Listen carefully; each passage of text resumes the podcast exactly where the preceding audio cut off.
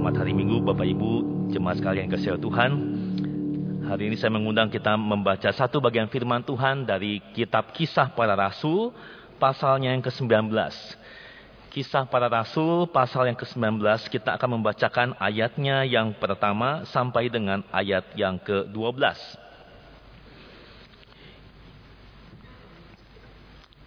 LAI memberikan judul Paulus di Efesus. Kisah Rasul 19 ayat 1 sampai 12. Kalau sudah mendapatkan, maka saya akan bacakan bagi kita sekalian. Demikian firman Tuhan. Ketika Apolos masih di Korintus, Paulus sudah menjelajah daerah-daerah pedalaman dan tiba di Efesus. Di situ didapatinya beberapa orang murid. Katanya kepada mereka, Sudahkah kamu menerima roh kudus ketika kamu menjadi percaya? Akan tetapi mereka menjawab dia, belum. Bahkan kami belum pernah mendengar bahwa ada roh kudus. Lalu kata Paulus kepada mereka, kalau begitu dengan baptisan manakah kamu telah dibaptis? Jawab mereka dengan baptisan Yohanes. Kata Paulus, baptisan Yohanes adalah pembaptisan orang yang telah bertobat. Dan ia berkata kepada orang banyak, bahwa mereka harus percaya kepada dia yang datang kemudian daripadanya, yaitu Yesus. Ketika mereka mendengar hal itu, mereka memberi diri mereka dibaptis dalam nama Tuhan Yesus. Dan ketika Paulus menumpangkan tangan di atas mereka, turunlah roh kudus ke atas mereka. Dan mulailah mereka berkata-kata dalam bahasa roh dan bernubuat. Jumlah mereka adalah kira-kira 12 orang. Selama tiga bulan Paulus mengunjungi rumah ibadat di situ dan mengajar dengan berani. Oleh pemberitaannya ia berusaha meyakinkan mereka tentang kerajaan Allah. Tetapi ada beberapa orang yang tegar hatinya. Mereka tidak mau diyakinkan. Malahan mengumpat jalan Tuhan di depan orang banyak. Karena itu Paulus meninggalkan mereka dan memisahkan murid-muridnya dari mereka dan setiap hari berbicara di ruang kuliah Tiranus. Hal ini dilakukannya dua tahun lamanya, sehingga semua penduduk Asia mendengar firman Tuhan, baik orang Yahudi maupun orang Yunani. Oleh Paulus, Allah mengadakan mujizat-mujizat yang luar biasa. Bahkan orang membawa sapu tangan atau kain yang pernah dipakai oleh Paulus dan meletakkannya atas orang-orang sakit, maka lenyaplah penyakit mereka dan keluarlah roh-roh jahat. Sampai semikian pembacaan firman Tuhan pada hari ini. Setelah hari ini kita akan melihat satu bagian tentang perjalanan misi Paulus ke Efesus. Saudara kalau kita membaca akan seperti apakah kota Efesus pada masa Paulus. Saudara kota Efesus adalah kota yang penting pada masa itu. Efesus menjadi ibu kota provinsi Asia di bawah kekaisaran Romawi. Saudara pada saat itu Efesus adalah pusat kota perdagangan. Dan saudara terutama yang paling terkenal dari Efesus adalah satu tempel atau satu bangunan kuil Dewi Artemis. Nah, saudara bangunan kuil ini dianggap sebagai bangunan yang termegah dan terbesar pada zaman itu. Bangunan uh, uh, kuil Dewi Artemis ini dianggap bahkan sebagai salah satu dari tujuh keajaiban dunia di dunia kuno masa itu. Nah, saudara, maka kita bisa bayangkan, saudara dianggap sebagai dewi kesuburan, saudara orang-orang yang mungkin susah untuk bisa e, memiliki keturunan, saudara banyak sekali orang dari seluruh provinsi Asia itu datang berkunjung ke Efesus menyembah Dewi Artemis. Nah, saudara bayangkan ketika semua orang itu banyak berbondong-bondong datang, maka bisnis itu berkembang bisnis membuat patung Artemis, bisnis membuat souvenir yang berkaitan dengan uh, Dewi Artemis itu sangat laku. Sehingga saudara inilah apa yang terjadi di zaman Paulus tentang kota Efesus. Nah saudara maka kita membaca di bagian ini Paulus datang ke Efesus. Nah, saudara pertanyaannya apakah yang menjadi misi utama dari Paulus? Saudara kalau boleh saya bacakan di ayatnya yang ke-8 dikatakan saudara oleh pemberitaannya ia berusaha meyakinkan mereka tentang kerajaan Allah. Saudara, di awal perenungan kita saya ingin menguraikan sedikit, saudara, apa artinya kerajaan Allah. Sesuatu yang sangat penting, sesuatu yang Paulus perjuangkan dan coba meyakinkan orang tentang hal ini. Nah, saudara, kalau kita melihat di dalam firman Tuhan, maka kita tahu bahwa kerajaan Allah itu bukan bicara tentang tempat. Kerajaan Allah itu ada di mana? Saudara, itu bukan bicara tentang wilayah geografis. Tetapi setiap kali kita membaca firman Tuhan tentang kerajaan Allah, saudara itu bisa berarti sebuah kondisi ya di mana Allah itu bertahta. Satu keadaan di mana hukum-hukumnya ditegakkan, kuasa dan kehendak Tuhan itu dinyatakan. Nah, saudara, sejak kapan kerajaan Allah itu hadir di dalam dunia ini? Jikalau kita meneliti khususnya perjanjian baru, Saudara kerajaan Allah dalam dunia dihadirkan tentu melalui Yesus. Karena Yesus adalah sang anak Allah yang berinkarnasi dan dia adalah sang Mesias keturunan Raja Daud yang dijanjikan itu. Dan saudara maka ketika memulai pelayanannya kita bisa membaca Yesus sudah mengatakan dan memproklamirkan kerajaan Allah sudah dekat. Maka bertobatlah dan percayalah kepada Injil. Kerajaan Allah sudah dekat. Dan selama hidupnya di dunia. Sudah bukankah kita membaca bahwa Yesus mengajarkan banyak sekali perumpamaan tentang kerajaan Allah. Nah saudara Yesus selama hidupnya di dunia. Sudah dia mengadakan banyak sekali mujizat. Dia melakukan banyak penyembuhan. Dan dia mengusir setan yang merasuki banyak orang. Dan saudara apa yang kita bisa baca di dalam satu uh, peristiwa ketika Yesus selesai mengusir roh jahat dari tubuh seorang bisu. Lukas mengatakan, saudara, jika aku mengusir setan dengan kuasa Allah, maka sesungguhnya kerajaan Allah sudah datang kepadamu. Jadi saudara ketika Yesus mendemonstrasikan kuasa Allah, mengusir roh jahat dari seseorang, dia mengatakan kerajaan Allah sudah datang kepadamu. Apa artinya saudara? Ini menunjukkan bahwa Yesus sudah menaklukkan kuasa setan. Selama ini orang-orang berdosa di bawah kerajaan gelap, di bawah kuasa si iblis. Dan ketika Yesus datang, Yesus menghadirkan kerajaan Allah. Dan kuasa gelap tidak bisa menahan kuasa Yesus. Dan saudara setelah Yesus menggenapi rencana keselamatannya melalui kematiannya di atas kayu salib. Dan kemudian Yesus dibangkitkan pada hari yang ketiga. Saudara Yesus berkata, aku diberikan kuasa atas seluruh sorga dan seluruh bumi. Yesus adalah sang raja mendapatkan otoritas. Dan ketika Yesus naik ke surga, sudah beberapa hari kemudian ada hari Pentakosta.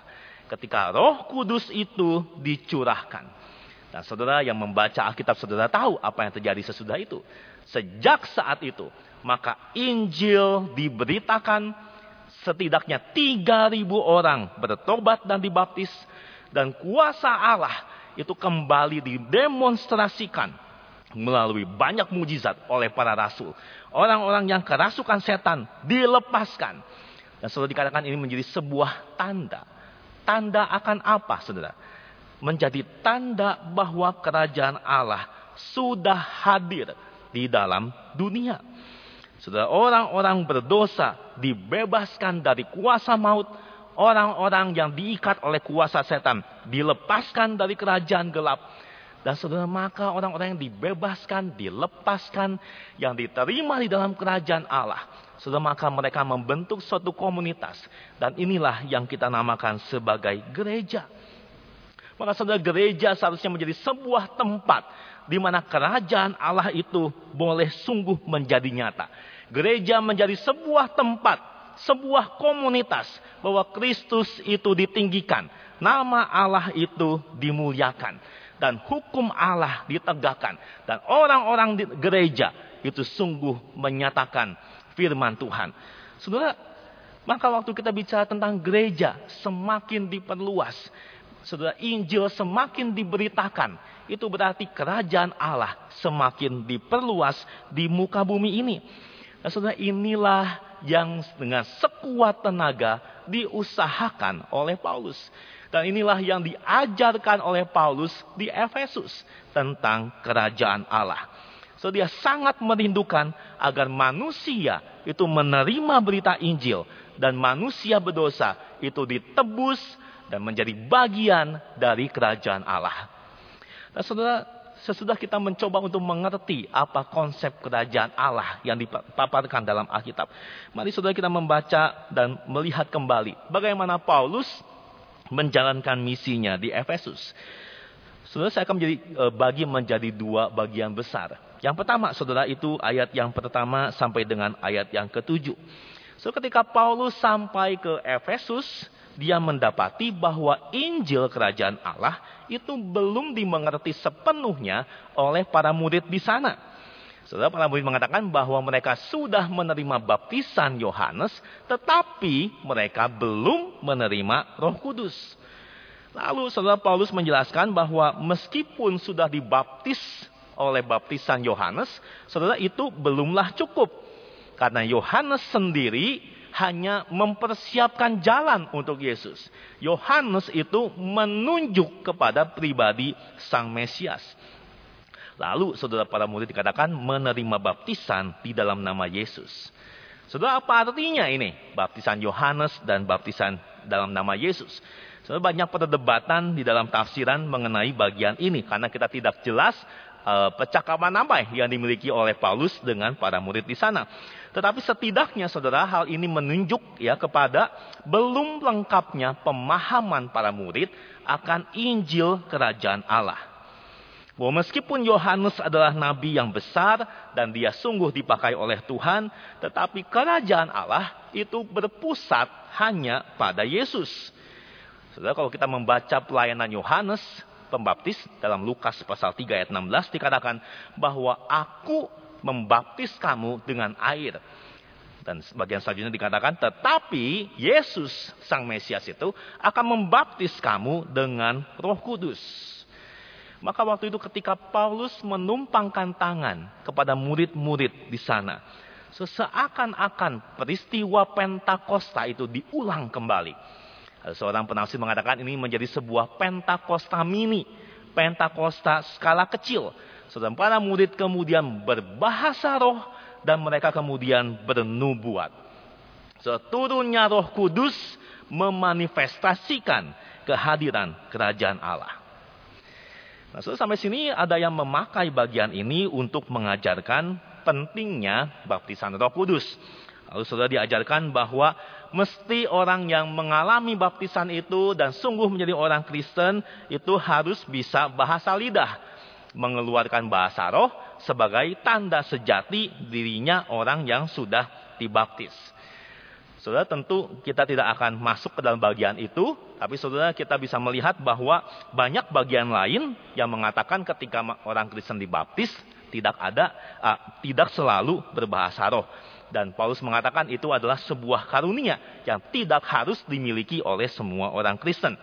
Nah, saudara ada yang bertanya mengapa cuma dibaptis di dalam nama Yesus? Mengapa tidak dibaptis di dalam nama Bapa, Yesus, Tuhan Anak dan Roh Kudus?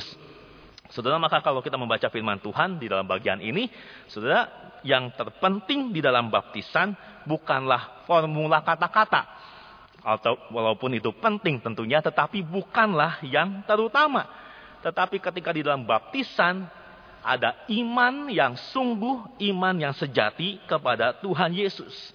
Dan sesudah baptisan, kuasa roh itu menjadi nyata dalam hidup kedua belas murid di dalam bagian ini. Maka saudara pentingnya kehidupan Kristiani yang dipenuhi, yang dikuasai oleh roh kudus. Saudara ketika seseorang masuk ke dalam kerajaan Allah, maka dia menerima roh kudus sehingga hidupnya seharusnya dipimpin dan dipenuhi oleh roh kudus. Saudara ini bagian yang pertama. Bagian yang kedua, saudara, kita akan melihat ayatnya yang ke-8 sampai ayat yang ke-12. Dikatakan saudara bahwa Paulus datang ke rumah ibadat di Efesus dan mengajar di sana, berusaha meyakinkan orang tentang kerajaan Allah. Saudara saya tidak bisa membayangkan kira-kira seperti apa ya Paulus itu berkhotbah dan mengajar. Saudara kalau kita perhatikan dan kita coba untuk mempelajari siapa Paulus di bagian yang lain, saudara saya kira Paulus adalah seorang yang sangat cerdas, orang yang sangat pintar, orang yang sangat brilian, dan pada saat yang sama, saudara kita bisa bayangkan Paulus adalah seorang yang penuh dengan kegairahan, dengan antusias, dan penuh dengan ketulusan di dalam memberitakan Injil.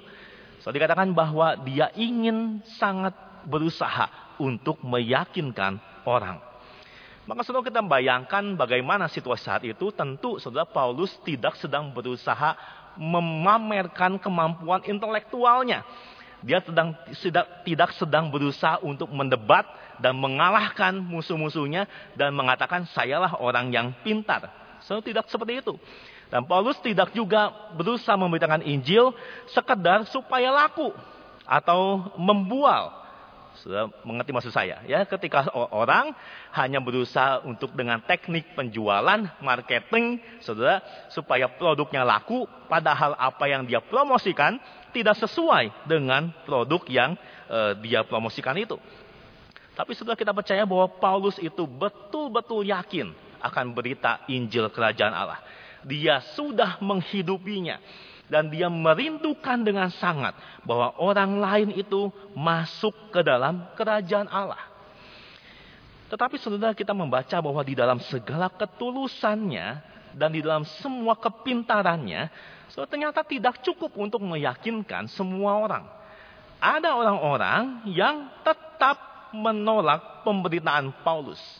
So dikatakan bahwa orang-orang ini adalah orang-orang yang tegar hati Setelah kata tegar hati di sini digunakan juga e, paralel dalam perjanjian baru yang menggambarkan kondisi Firaun. Saudara bahwa Firaun mengeraskan hatinya. So ini kata yang dipakai di dalam bagian ini. Saudara orang seperti ini tidak mau diyakinkan. Artinya saudara mereka tidak mau percaya. Bahkan dikatakan saudara mereka itu mengumpat jalan Tuhan. Dalam terjemahan, terjemahan lain bisa dikatakan mereka mengatakan hal-hal yang jahat tentang berita kerajaan Allah. Hal-hal yang buruk. Mereka berusaha untuk mempengaruhi orang-orang sekitarnya tidak menerima Injil. So, kita bisa melihat di sini bahwa ketika Injil atau firman yang murni itu diberitakan, sejanganlah kita heran jikalau tidak selalu diterima dengan hangat dan tangan terbuka. So, tetap akan ada orang-orang yang membenci dan menentang Injil itu habis-habisan. Bahkan orang-orang seperti ini, mereka tidak akan tinggal diam saja. Mereka mengumpat, menghasut orang-orang, dan menghalangi agar berita Injil itu tidak semakin meluas. Di balik umpatan mereka kita tahu iblis itu tidak tinggal diam. Ketika firman diberitakan, maka ada peperangan rohani. Dan iblis saudara akan berusaha dengan segala cara agar manusia itu tidak menerimanya. So, dalam kondisi demikian, apa yang dilakukan oleh Paulus? Saudara, Paulus sadar bahwa pemberitaan itu tidak mungkin efektif karena orang-orang ini selalu mengumpat. Meskipun di situ adalah rumah ibadat. Saudara, rumah ibadat adalah tempat yang sangat strategis untuk orang berbicara tentang Tuhan, tentang jalan Tuhan. Tetapi saudara, di dalam rumah ibadat itu ada orang-orang yang sengaja menghalangi pemberitaan firman. Maka saudara apa yang Paulus lakukan? Dengan terpaksa dia memisahkan murid-muridnya. Dia tidak bisa bersatu dengan orang-orang seperti itu. Dan lalu mereka berkumpul di ruang kuliah Tiranus.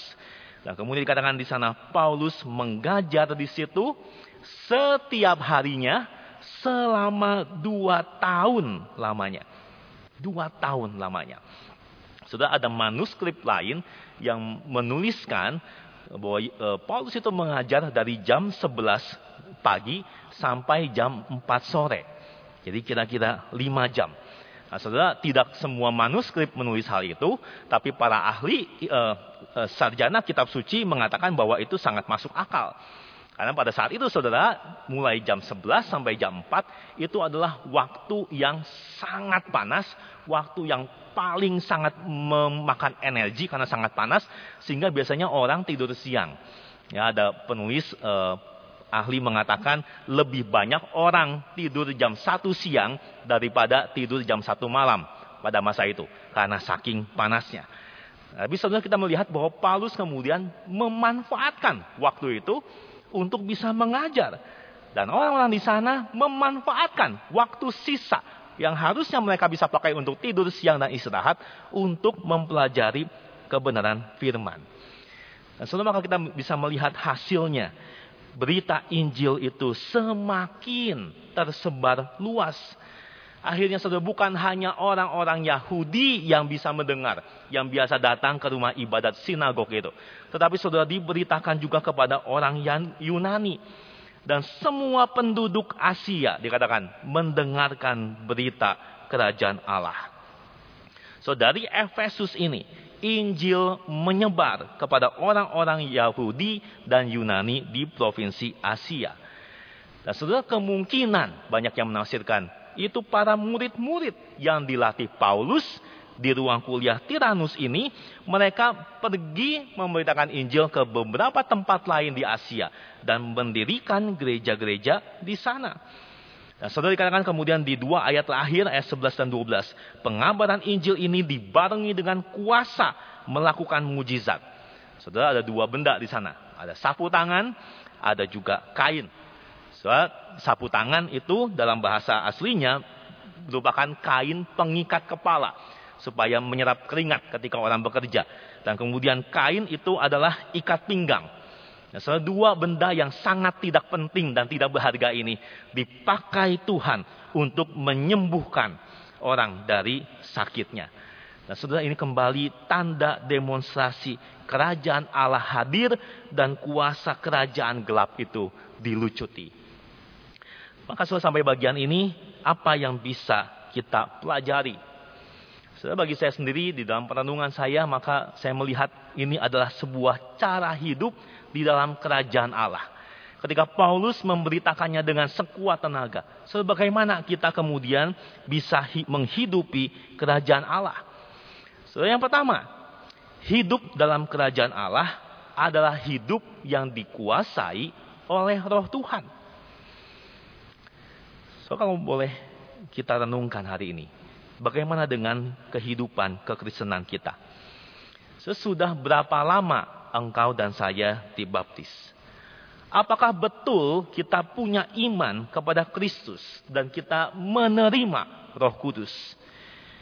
Sebab baptisan tidak pernah menyelamatkan. Tanpa iman yang hidup, baptisan hanya menjadi sebuah formalitas agama. Tapi yang penting saudara, adakah hidup kita dipenuhi oleh roh? Hidup yang tidak mengikuti keinginan daging. Hidup yang mengejar kekudusan. Hidup yang tunduk kepada perintah Tuhan lewat firman-Nya dan menuruti kehendaknya. Seberapa sering dunia menertawakan kita. Kita yang mengatakan bahwa we are the church. Kita adalah gereja tetapi hidup gereja ternyata tidak ada bedanya dengan orang dunia. Sama kotornya, sama liciknya, sama tidak ada kasihnya, sama serakahnya, sama nafsu dunianya. Sehidup kekristenan bukanlah hanya soal kata-kata. Hidup rohani Kristen bukan sebatas bibir. Yang penting dibaptis, kemudian datang ke gereja, beribadah, menjalani semua ritual dan kegiatan gereja. Sudah hati-hati jika hidup kita kemudian tidak lagi dipimpin oleh roh Tuhan. Hidup kita akan kehilangan vitalitas rohani. Jangan-jangan kita tidak lagi mengerti pimpinan Tuhan. Karena terlalu sering engkau dan saya mengabaikan suaranya. Terlalu sering engkau dan saya memadamkan suara roh dalam diri kita. Dan kemudian kita mendukakan hatinya. Yang kedua, saudara, hidup dalam kerajaan Allah adalah hidup yang mencintai kebenaran firman. Ketika seseorang membuka hatinya untuk menerima Injil kerajaan Allah, so, maka hatinya akan semakin haus akan pengajaran firman Tuhan. So, kuliah Tiranus ini seakan-akan menjadi seminari, sekolah Alkitab bagi para murid-murid saat itu. Mereka diajar, mereka diperlengkapi, meskipun di dalam segala kesibukan mereka harus bekerja, tapi jam 11 sampai jam 4 itu mereka datang melawan segala rasa kantuk. Tetapi saudara, haus, rasa haus yang terpuaskan itu membuat mereka semakin bertumbuh di dalam kerohanian. Maka pertanyaan bagi kita, apakah kita masih punya kehausan, kecintaan akan firman yang murni? Apakah firman Tuhan itu masih menjadi hal yang menarik bagi kita? So, ketika usaha pemberitaan Paulus itu ditolak oleh sebagian orang uh, di rumah ibadat Yahudi. So, menarik bahwa Paulus kemudian tidak berusaha untuk mengencerkan berita Injil supaya mereka bisa terima. Paulus tidak berusaha untuk mengadaptasi cerita supaya lebih menarik lebih halus dan bisa diterima oleh orang-orang yang menentangnya. Tidak, saudara. Alkitab mencatat waktu Paulus harus pindah ke Tiranus. Saudara, dia tidak berusaha mencari cara, tidak merasa terdesak supaya Injil itu menjadi sesuatu yang menarik. Karena Injil memang seharusnya menawan hati kita. Tetapi saudara para murid punya kerinduan dan dia mereka dipuaskan oleh firman Tuhan. So, saya percaya karena ketika mereka mendengarkan kebenaran, mendengarkan Injil, so itu bukan hanya mengisi pengetahuan mereka. Itu tidak hanya membuat mereka semakin pintar di dalam berdebat. Tetapi saudara, itu membawa mereka mengenal siapa Tuhan. Mengenal Kristus Sang Juru Selamat itu sendiri. Saudara, itulah yang mereka nikmati bukan hanya memperbesar kepala mereka, tetapi boleh mengisi hati mereka, mengenal kebenaran, akhirnya bisa mengenal Tuhan itu sendiri. Bapak Ibu Saudara sekalian, seberapa rela kita sediakan waktu khusus untuk mempelajari firman Tuhan. So itulah hidup dalam kerajaan Allah. Yang ketiga yang terakhir, saudara. Hidup dalam kerajaan Allah adalah hidup yang rindu membagikan Injil kepada sesama. Saudara orang yang sungguh sudah berada di dalam kerajaan Allah. Saudara mereka tentu tahu rasanya betapa indahnya hidup dibebaskan dari kuasa gelap. Mereka tentu tahu indahnya hidup mengecap kebenaran firman. Dan saudara maka mereka akan rindu supaya semakin banyak orang mencicipi hal yang sama. So, para murid-murid di Efesus, sesudah mereka diperlengkapi dalam seminari Tiranus, sudah mereka terlibat hidup bermisi di Asia. Maka hidup memberitakan firman, hidup bermisi adalah tugas, panggilan yang Tuhan berikan bagi kita semua. Bukan cuma urusan bidang misi gereja, bukan cuma urusan para hamba Tuhan Saudara, apakah kita sering kali terlalu sibuk dengan urusan pekerjaan, mencapai target, urusan rumah tangga yang seabrek itu? Apakah engkau dan saya kemudian terlalu sibuk hingga kita tidak lagi memikirkan pekerjaan Tuhan?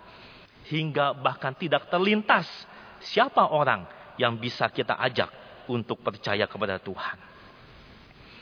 Semari kita berdoa, mulai dengan doa.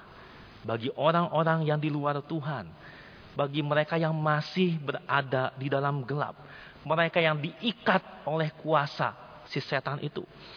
Mintalah Tuhan tambahkan kerinduan dalam diri kita untuk betul-betul menghadirkan kerajaan Allah, menyatakan kasih Tuhan, menyatakan kuasa Tuhan kepada orang-orang di sekitar kita.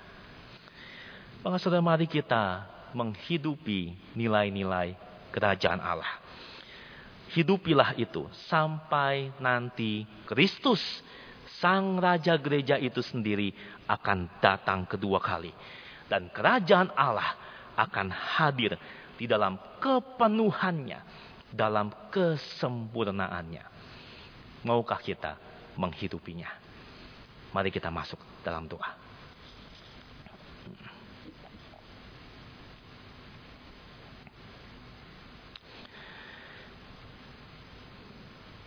So, kita boleh berespon sejenak kepada firman Tuhan. Sebagian yang kita renungkan hari ini mengingatkan kita bahwa hidup dalam kerajaan Allah adalah hidup yang dipenuhi, yang dikuasai oleh roh Tuhan. Setelah apakah kita sudah menjadi orang Kristen sekian lama? Kita boleh memiliki vitalitas kehidupan rohani itu dipimpin oleh Tuhan. Dipimpin untuk mengalahkan kedagingan, dosa-dosa dalam diri, keinginan-keinginan yang tidak berkenan kepada Tuhan. Hidup di dalam kerajaan Allah adalah hidup yang menikmati indahnya persekutuan dengan Dia lewat kebenaran firman Tuhan. Saudara, apakah kita masih punya kerinduan itu? Merasa kagum tercengang oleh kebenarannya. Setelah hidup dalam kerajaan Allah adalah hidup yang rindu berbagi, bermisi. Rindu orang lain juga masuk ke dalam kerajaan Tuhan itu. So, apakah kita masih punya kerinduan itu?